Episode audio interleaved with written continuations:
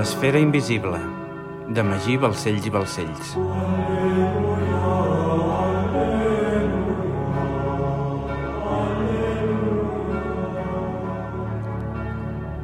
Capítol 3. Aire, aigua, terra i foc. Divendres 16 de març de 1302. Wagena, regne d'Aragó. La lluna ja s'acostava a ponent mentre la claror de l'astre rei es dibuixava a l'horitzó del llevant. En una petita casa del llogarret, molt propera al riu Xiloca, un home vell esperava quasi dormit davant d'un forn perfecte. Era de mitjana estatura, constitució forta, ulls marrons i cabell despentinat. Tots els seus 60 anys gaudia d'una salut immillorable. Tenia molt poques arrugues, i la seva avançada maduresa només s'intuïa per les nombroses canes que poblaven entre la seva densa barba. D'entre tots els seus defectes, destacava pel mal humor quan tenia gana, i d'entre totes les seves virtuts, per la seva extremada intel·ligència. Sabia parlar i escriure en aragonès, català, francès, italià, llatí, grec, àrab i hebreu. Era metge, filòsof, teòleg, escriptor i alquimista. El seu nom real era Arnaldo Peribáñez, però la cristiandat sencera el coneixia com Arnau de Vilanova, el metge de Reis. Dels 16 homes que habitaven aquell llogarret, 8 es deien Arnaldo, així que per distingir-se l'un de l'altre tots es posaven sobrenom. En el seu cas, com que havia nascut al poble de la seva àvia, Villanueva de Chiloca, molt proper a Wagena, la gent el coneixia com Arnaldo de Villanueva. Vell i cansat, es congratulava de ser un altre cop a casa. De ben jovenet havia abandonat el poble. Havia viatjat per mig món i només hi havia tornat de forma esporàdica. Aparentment, estava destinat a ser pagès, com el seu pare, i a no moure's d'aquelles terres aragoneses durant tota la seva vida. Però una ment tan brillant com la seva, tan única, no podia restar encadenada més que el saber. Afortunadament per ell, després de tota una vida dedicada al coneixement, havia guanyat els diners suficients per poder tornar a la solitud del seu poble i dedicar-se al seu gran somni sense que ningú l'interrompés ni el molestés. De ben petit, havia despuntat per les seves aptituds i tothom qui el coneixia tenia la sensació que aquell noiet arribaria molt lluny. Com a escolar de la poderosa parròquia de Daroca, va tenir accés a la biblioteca del rector i aquest, sorprès de la lucidesa mental del noi, el va ensenyar a llegir i escriure. En pocs anys, havia llegit tots els llibres de la biblioteca i el rector de Daroca, conscient que aquell era un nen prodigiós, va fer avisar el bisbe de València. Fetes les oportunes proves, Arnaldo va passar sota la custòdia directa del bisbe i aquest el va prendre amb ell per instruir-lo. L'Església sempre havia preferit tenir les ments brillants a prop. En un determinat moment podien ser útils, o pel contrari, si esdevenien un problema, era més fàcil localitzar-les. A València, Arnaldo va aprendre més que en qualsevol altre lloc. Aquella terra havia estat en mans musulmanes durant més de 500 anys i el nou regne de València no tenia més d'una dècada en aquella ciutat, va trobar nombrosos rastres culturals islàmics, fet que va convertir la seva estada a la ciutat del Ratpenat en la millor oportunitat que li havia brindat la vida per enfonsar-se en el més ric dels coneixements. Per ell, la cultura islàmica era superior a la cristiana en molts aspectes i considerava que estava molt més avançada.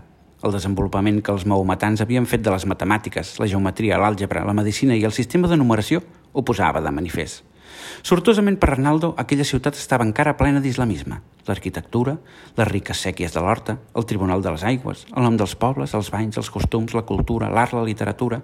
Cinc segles de domini islàmic no es podien esborrar així com així. La seva passió per la ciència islàmica, explicada en alguns llibres de la ciutat, el va portar a aprendre l'àrab, amb la qual cosa va tenir accés a centenars de tractats i documents, i va ser així com va conèixer la seva veritable passió, l'alquímia. Recordava els anys que va estar a València com els millors de la seva vida. Entre els valencians va trobar respecte i admiració. Va créixer personalment, va poder llegir i escriure fins a quedar saciat i va ser en aquella majestuosa ciutat que va poder il·luminar la seva ànima amb el saber ancestral. Per aquesta raó, a partir d'aquell moment, sempre més va signar els seus escrits amb el nom amb què el cridaven els valencians, Arnau de Vilanova. Després de llegir-se la traducció al llatí de la taula de Maragda, va marxar a estudiar a Montpellier i Nàpols, on es va graduar en mestre de Medicina i va aprendre francès i italià.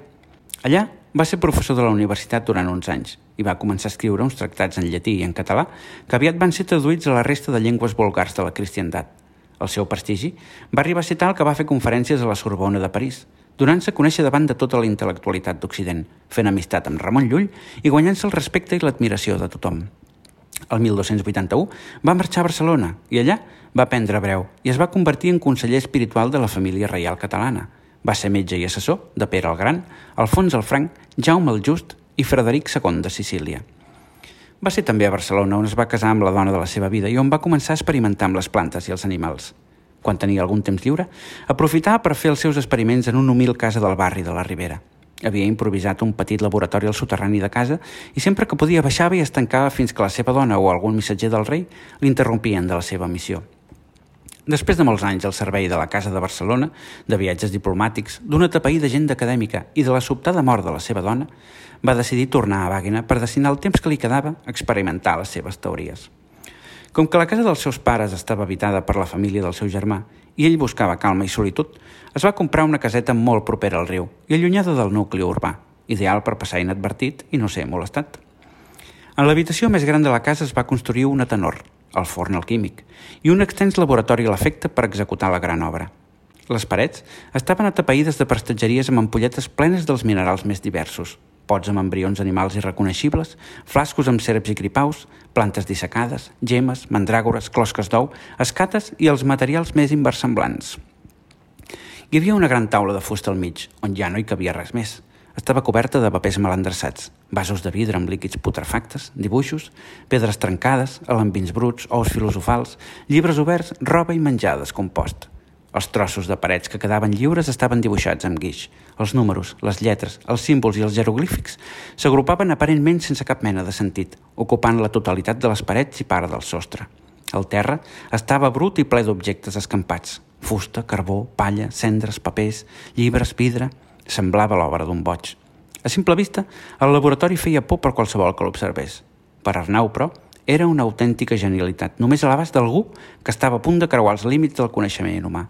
El seu laboratori era el símbol inequívoc que estava en la bona direcció i que tard o d'hora aconseguiria dur a terme la gran obra de l'art sacre. Desesperat sobre una cadira i només acompanyat de la seva fidel gossa, Arnau mirava ansiós en una ampolla de vidre buida que hi havia davant el forn, esperant el miracle. Havia passat la nit sencera despert, esperant veure si aconseguia el seu objectiu. Havia realitzat aquella prova centenars de vegades i mai li havia sortit bé. Malgrat tot, l'ancià no perdia l'esperança. Tard o d'hora ho aconseguiria. Aquest cop sí, Bresca, aquest cop ho aconseguirem, deia l'ancià, mirant i acariciant la gossa. Sentia que cada cop hi estava més a prop. Havia errat tantes vegades durant tot el procés que cada cop estava més pròxim a la perfecció. Si apareixien gemes de forma sobtada sobre el vidre, Arnau tindria la prova material que les seves creences i conviccions eren certes i que, per tant, el camí a la veritat estava obert per les ments preparades. L'alquímia, coneguda pels seus adeptes com art sacre, era un complex sistema filosòfic i de creences. Era una actitud davant la vida que pretenia creuar les portes d'un coneixement superior, per deixar de ser homes i convertir-se en ajudants del Creador en la seva feina d'engendrar i perfeccionar l'univers. Només després d'anys i anys d'estudi rigorós i experimentació es podia ser gratificat amb la il·luminació. En la filosofia de l'art sacre s'havia d'anar accedint de forma gradual en el coneixement de la naturalesa per comprendre el món. Un cop comprès i dominat el primer estrat, es podia passar al següent. I així, successivament fins al suprem. Això volia dir que, un cop dominada l'experimentació sobre els minerals, es passava després al món vegetal, a l'animal i finalment a l'espiritual.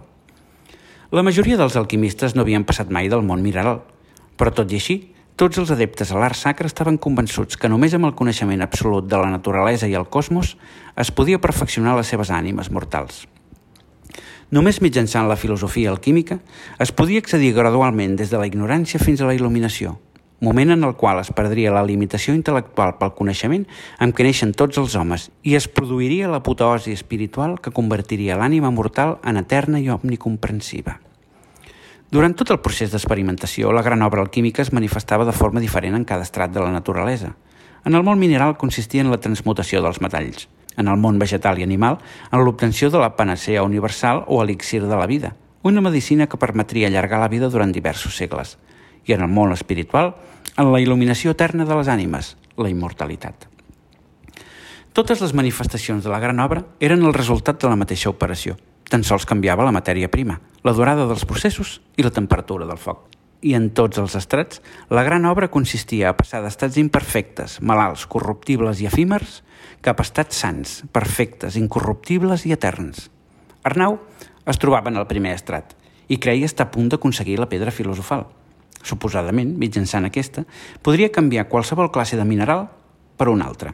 Per ell, la possibilitat d'aconseguir transmutar els metalls era una prova de la veracitat de l'art sacre i un reconeixement a la seva feina. Per qualsevol persona, poder aconseguir or del plom era sinònim de riquesa immediata.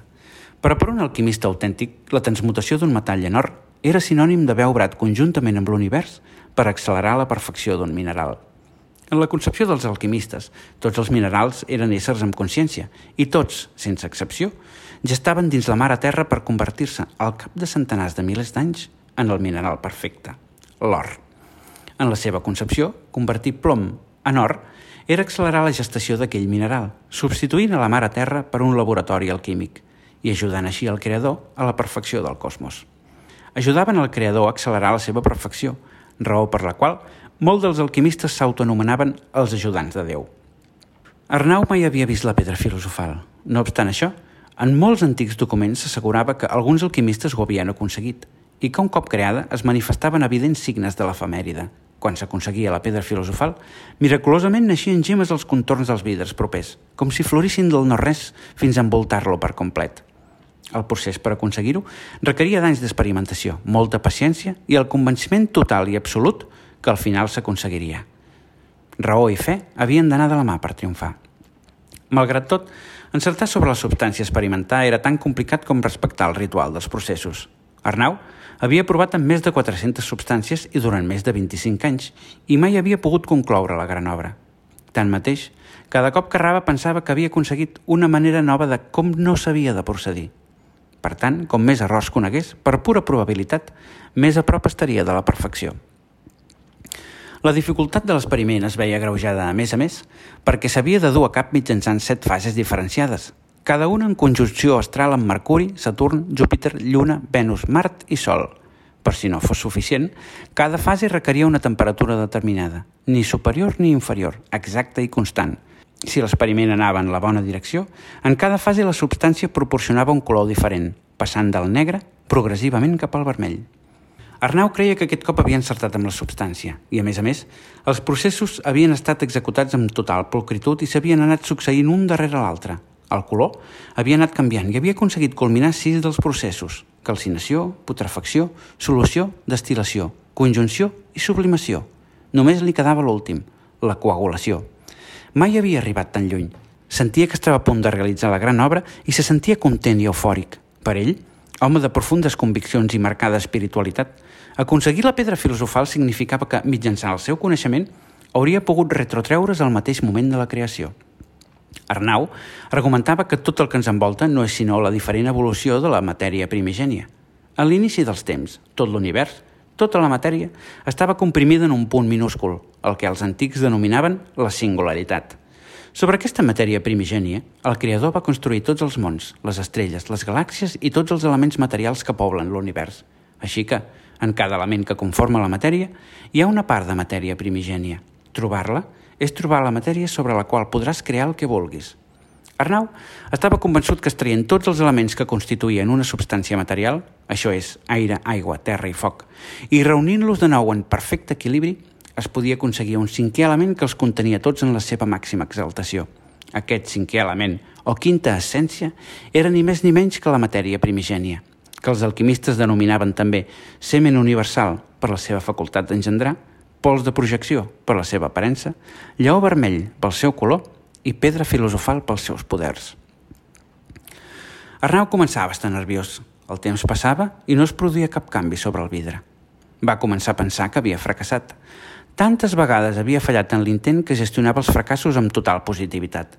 No deixava que les emocions de dolor afloressin i es repetia dins seu que ho tornaria a provar, que mai es rendiria. De sobte, quan el sol ja il·luminava al matí, va sentir que trucaven a la porta sospirant perquè l'experiment no funcionava, es va alçar molest perquè l'estaven interrompent. Va anar en direcció a la porta i va preguntar qui era mentre els lladrucs de la gossa advertien del pes del personatge que es trobava a l'altre cantó. Arnau de Vilanova? Porto una carta per vos, va escoltar a l'altra banda de la porta. En obrir la porta, un home jove li va fer entrega de la carta. La sorpresa d'Arnau va ser majúscula. Anava signada pel papa Bonifaci VIII. La va obrir amb emoció i la va llegir.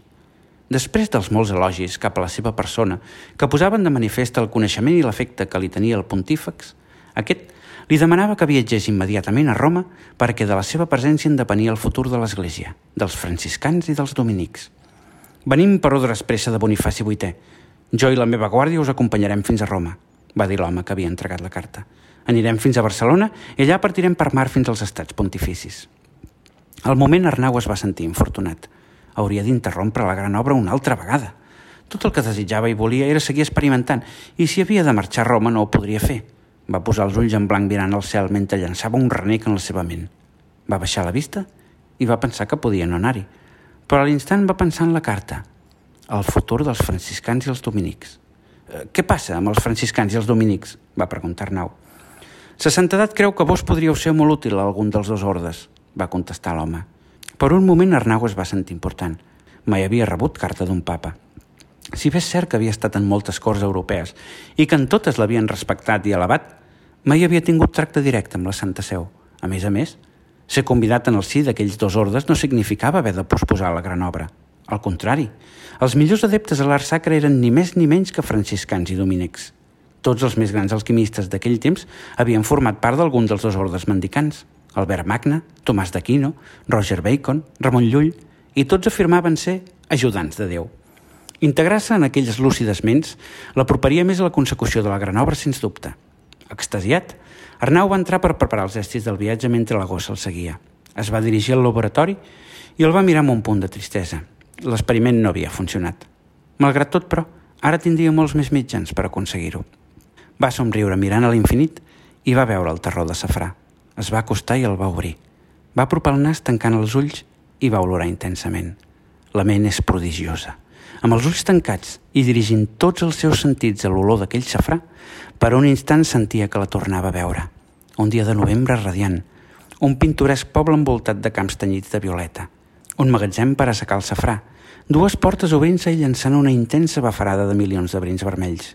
I finalment, ella, la dona de la seva vida. Olorava amb intensitat aquella espècie i per un instant, en un tancar i obrir d'ulls, no hi havia res més, només el moment en què la va conèixer. Olorava i sentia que no hi havia res més real que allò. Sempre l'havia fascinat el poder de la ment.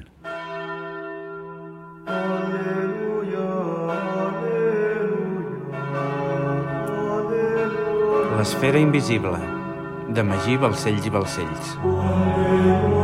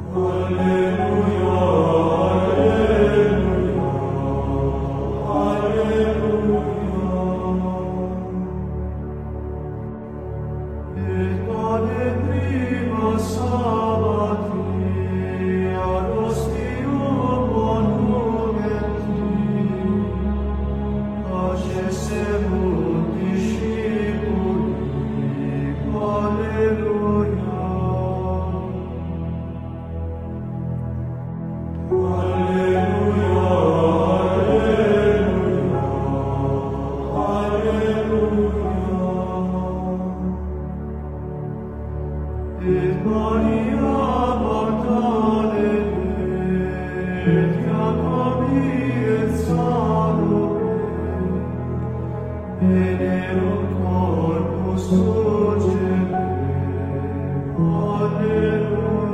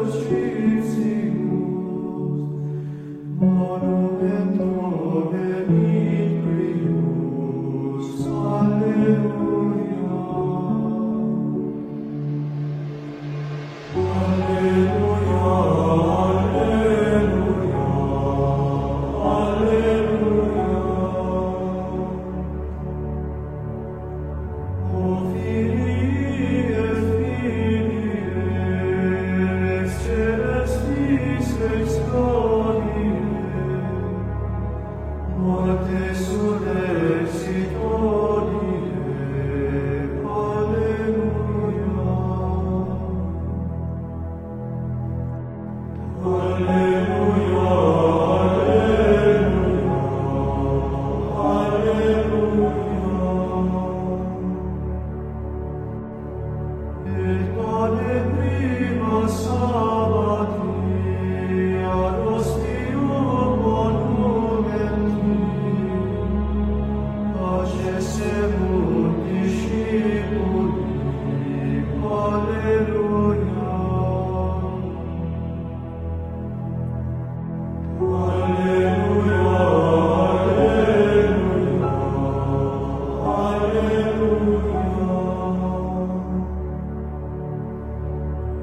morning.